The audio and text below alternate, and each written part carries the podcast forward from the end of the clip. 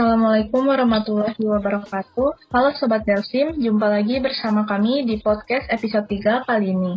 Nah, di episode ini kita akan sharing-sharing seputar Delsim nih. Sebelum dimulai, kita kenalan dulu kali ya. Di sini saya sendiri ada Sekar dan juga ada Mbak Ririn nih. Dan untuk narasumber episode 3 kali ini yaitu ada Mas Zaka Ugi Rizky. Sekilas cerita aja nih Sobat Delsim. Jadi Mas Zaka ini dulunya juga merupakan asisten lab Delsim angkatan 2016. Dan dulu Mas Zaka menjabat sebagai koordinator asisten. Oh iya, saat ini Mas Zaka sedang menempuh pendidikan S2 di Taiwan nih Sobat Delsim. Keren banget kan? Oke, mungkin sebelum sharingnya dimulai, kita kenalan dulu dengan Mas Zaka ya. Halo Mas Zaka. Halo semuanya, Assalamualaikum. Waalaikumsalam. Gimana nih kabarnya Mas? Alhamdulillah baik. Oke, mungkin Mas Zaka bisa kenalan Ya. sapa-sapa dulu Mas dengan pendengar setiap podcast Delsim. Silakan Mas. Oke. Halo pot- teman-teman podcast Delsim semua. Eh, saya Zaka, saya alumni asisten Delsim 2016. Jadi tadi eh, bukan koordinator asisten ya, tapi koordinator departemen knowledge ya. departemen knowledge nanti diprotes lagi sama yang benernya. Jadi saya di sini lagi, bener lagi eh nyelesain S2 saya tinggal beberapa bulan lagi ya tinggal beberapa bulan lagi dan semoga podcast ini bisa bermanfaat lah buat teman-teman yang mendengar oke Oke, kita langsung masuk aja ya ke sesi sharing-sharingnya Mas. Eh, saya mau Ya. tanya nih, kenapa sih dulu Mas Zaka bisa memilih untuk masuk lab Delsim Mas? Padahal kan laboratorium di teknik industri UI ada banyak tuh Mas. Kenapa Mas bisa memantapkan pilihan untuk masuk ke lab Delsim? ya jadi eh, awalnya dulu sih memang nggak nggak kepikiran buat pengen ikut jadi asisten ya nggak ada kepikiran kayak gitu. Cuman eh, dipikir-pikir dan mengingat banyak manfaatnya akhirnya saya coba tuh cari-cari info tentang lab yang ada di teknik industri UI nah kemudian eh, karena di lab Delsim itu termasuk yang cepat ya rekrutmennya sehingga saya cari tahu dulu tuh tentang lab Delsim lebih awal. Dan eh, memang yang dipelajari di lab Delsim itu sangat menurut saya sangat penting. Kenapa karena basicnya ilmunya itu memang ilmu-ilmu yang mahal gitu. Ilmu yang mahal itu dalam artian eh, nggak banyak orang yang bisa ya. Kalau kita misalkan coba compare dengan ilmu-ilmu yang ada di lab lain gitu ya. Misalkan ilmu apa? Eh, ilmu yang membutuhkan basic programming misalkan. Basic programming itu kalau kalian lihat tutorial tutorial di internet itu udah banyak banget gitu. Udah banyak banget. Nggak nggak perlu masuk lab untuk belajar malah. Bisa belajar sendiri gitu tapi di lab Delsim ya misalkan belajar simulasi itu butuh software yang mahal gitu kan. Dan kita nggak nggak bisa asal dapat software itu gitu. Dan nggak banyak tutorialnya juga karena software yang mahal tadi. Jadi dengan masuk di lab Delsim itu saya punya punya kesempatan buat belajar yang nggak banyak orang bisa gitu. Nah itu yang yang paling utama sih. Itu alasannya sekarang. Berarti dari awal emang udah maunya masuk Delsim gitu ya mas? Apa sempat kepikiran kayak eh, ke lab yang lain gitu mas? Nah, sebenarnya awalnya sempat kepikiran buat yang lain sih. Karena sebenarnya kan ilmu-ilmu tuh nggak nggak ada yang salah ya. Kita belajar ilmu yang lain Iya. tuh nggak ada salahnya gitu. Cuman kita di sini milihnya tuh kira-kira mil- milih yang yang paling ber- berguna lah, bermanfaat lah gitu. Kira-kira ilmu yang bisa dipelajari sendiri nggak usah nggak usah masuk labnya gitu, pelajari sendiri aja nanti gitu kan. Tapi ilmu yang yang sekiranya susah buat dipelajari sendiri, nah itu kita yang masuk di situ gitu. Dan dan dari sini salah satu yang susah menurut saya ilmunya, jujur aja susah dan uh, resources terbatas banget kalau di luar. Oke, jadi gitu ya Sobat Delsim. Nah, ada pertanyaan lagi nih Mas. Kalau Ya. pengalaman Mas selama di Delsim itu gimana nih Mas?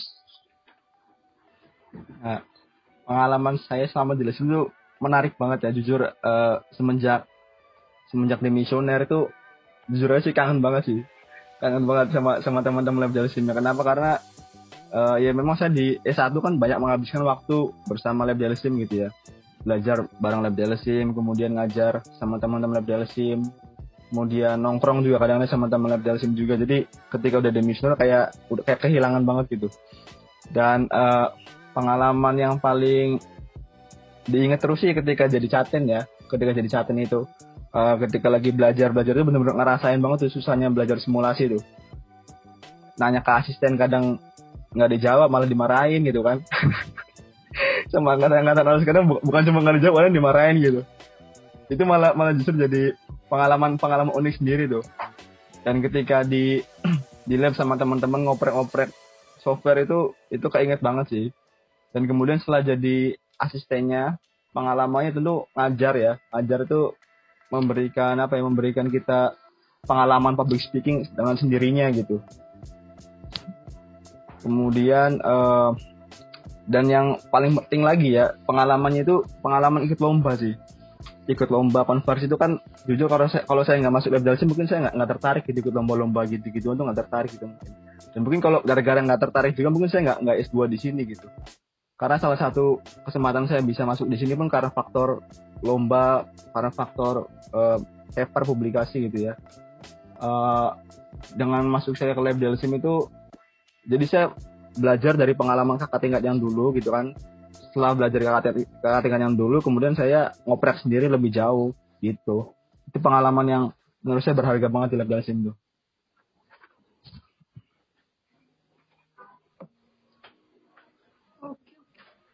Mas boleh tahu kan tadi Mas kakak ini hmm. kan uh, nyinggung bisa ini S2 juga tuh. Itu ceritanya hmm. gimana Mas kok dari ini bisa lanjut S2 di Taiwan pula gitu? Iya.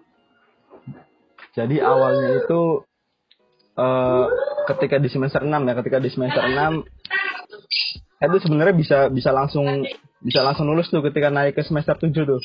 Sebenarnya udah bisa langsung lulus karena udah persyaratannya udah udah apa udah terpenuhi gitu. Jadi tiga tahun bisa lulus sebenarnya. Cuman karena saya pikir-pikir karena kok saya cepet banget gitu ya lulusnya ya, tapi nggak ada pengalaman kerjanya gitu. Terlebih lagi saya masih punya tanggung jawab di lab gitu kan. Nah ini iya. ini akhirnya saya kepikiran udah deh saya coba magang ya coba cari magang tapi di satu kesempatan saya di ditawarin dosen sebenarnya ditawarin dosen buat ikut program fast track nah program fast track itu menurut menurut saya program yang bagus banget ya karena kita bisa menghemat waktu satu tahun tuh bisa menghemat waktu satu tahun buat uh, menyelesaikan S2 nah ketika saya magang sekaligus saya di lab Delsim sekaligus saya belajar S2 fast track itu uh, itu satu waktu kan berarti ngerjain bareng-bareng gitu ya. Dan ketika udah selesai magang, akhirnya saya coba pendadaran kan, pendadaran, lulus, tapi saya masih punya kewajiban ngajar di lab Delasim, sekaligus saya masih punya kewajiban sekolah S2 di UII. Nah, ketika ketika menyelesaikan semester 2 di UI, artinya semester 8 di S1 harusnya, itu ada tawaran lagi buat ngikutin program dual degree luar negeri di Taiwan gitu kan. Nah saya coba coba daftar aja deh gitu kan. Sebenarnya nggak awalnya nggak kepengen kepengen banget sih. Jujur aja di S2 di Taiwan kan aduh jauh gitu ya. Dan capek gitu. Yeah. udah udah capek lah. Udah deh kayaknya di UI aja udah cukup deh gitu. Cuman mengingat universitas di Taiwan juga bagus dan ya cari-cari pengalaman gitu ya.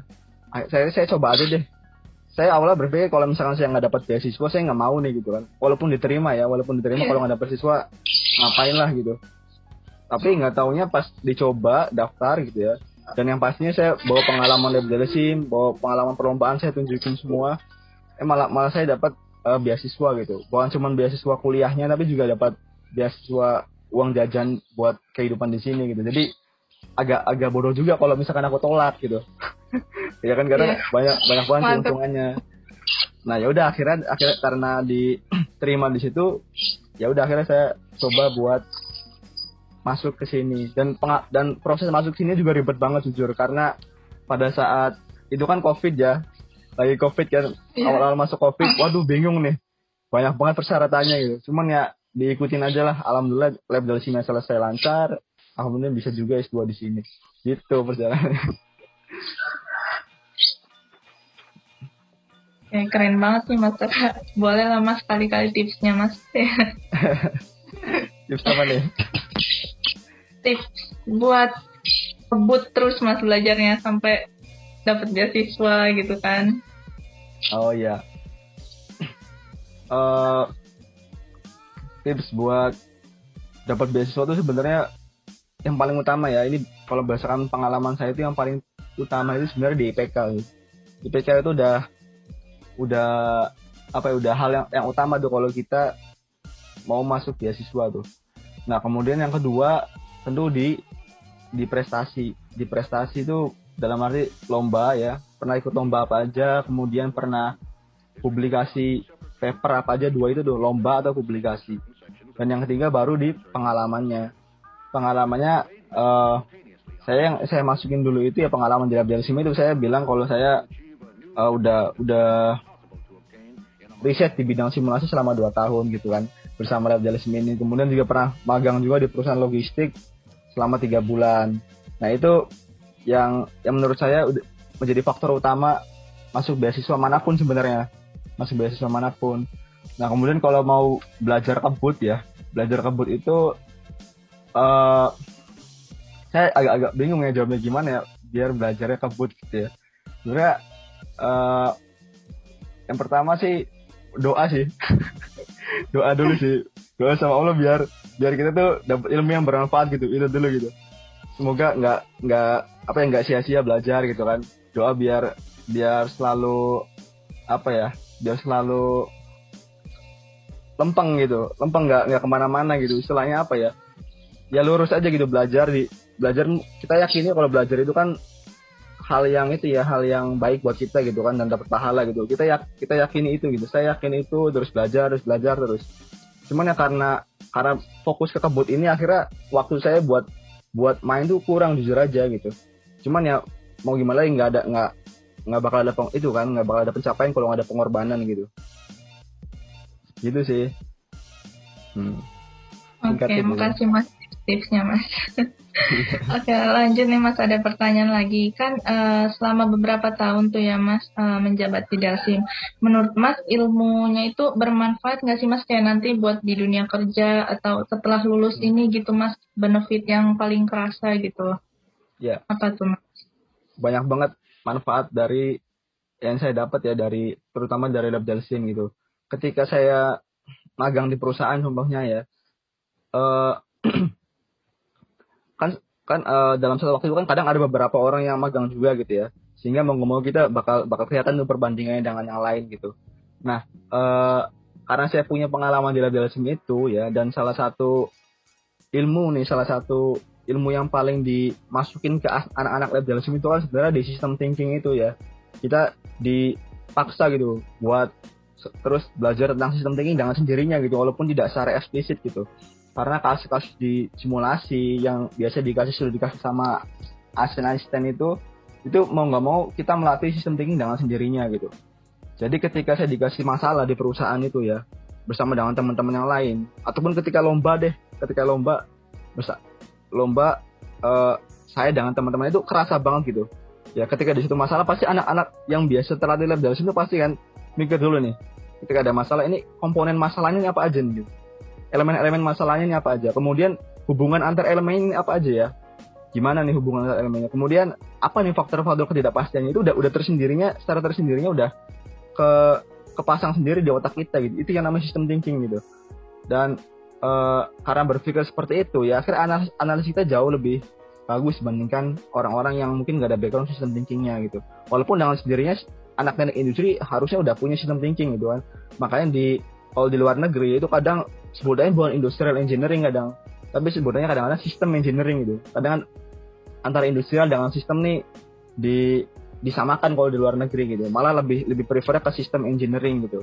Karena kita memang objeknya itu kan sistem terintegrasi gitu kan.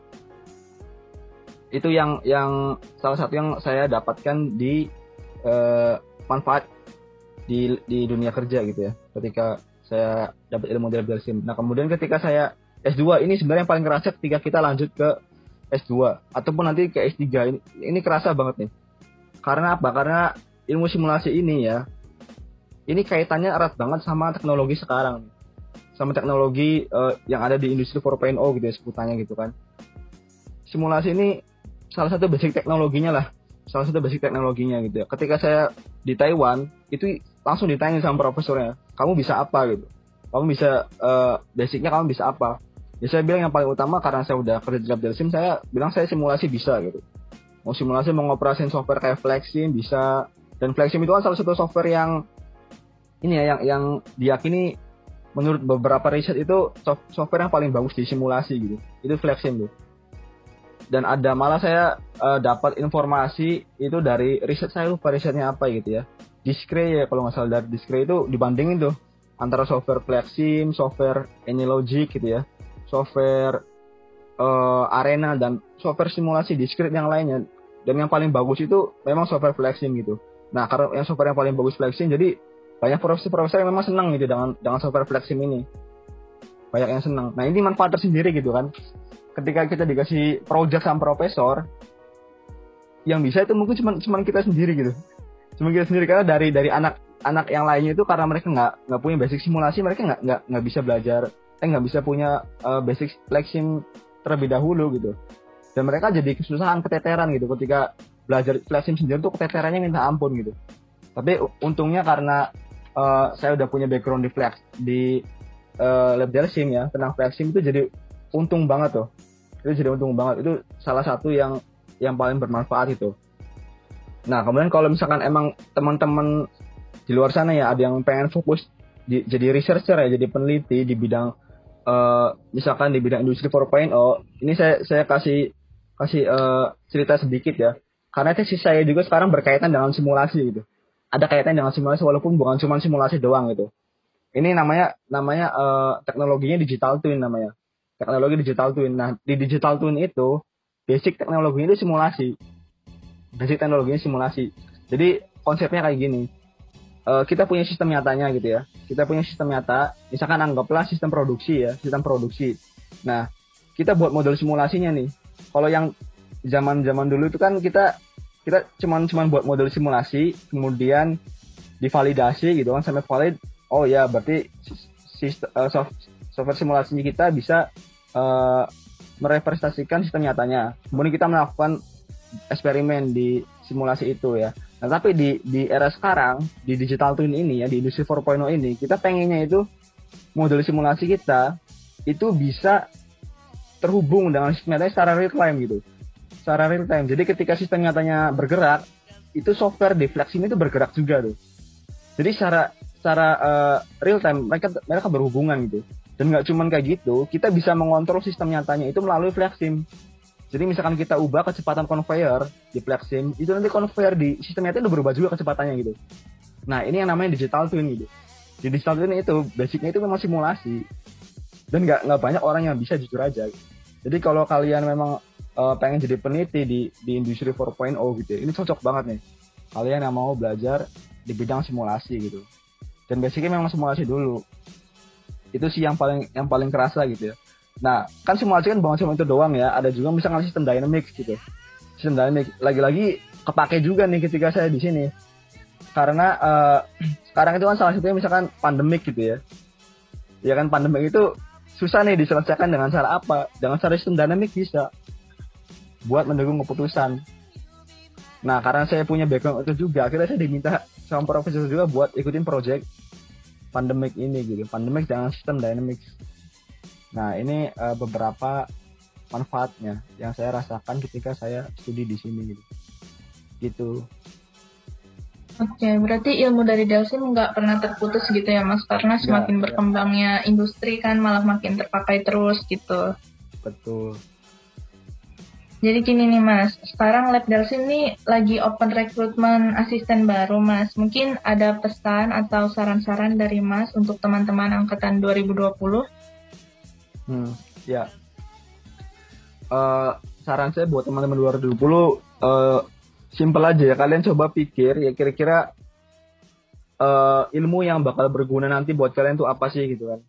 Ilmu yang berguna buat kalian nanti itu apa, kemudian uh, di dilihat dulu nih kira-kira di lab mana sih yang kira-kira mempelajari ilmu itu yang yang memang worthy gitu ya, yang memang benar-benar bermanfaat gitu, yang kira-kira sulit nih saya pelajari sendiri tuh susah gitu.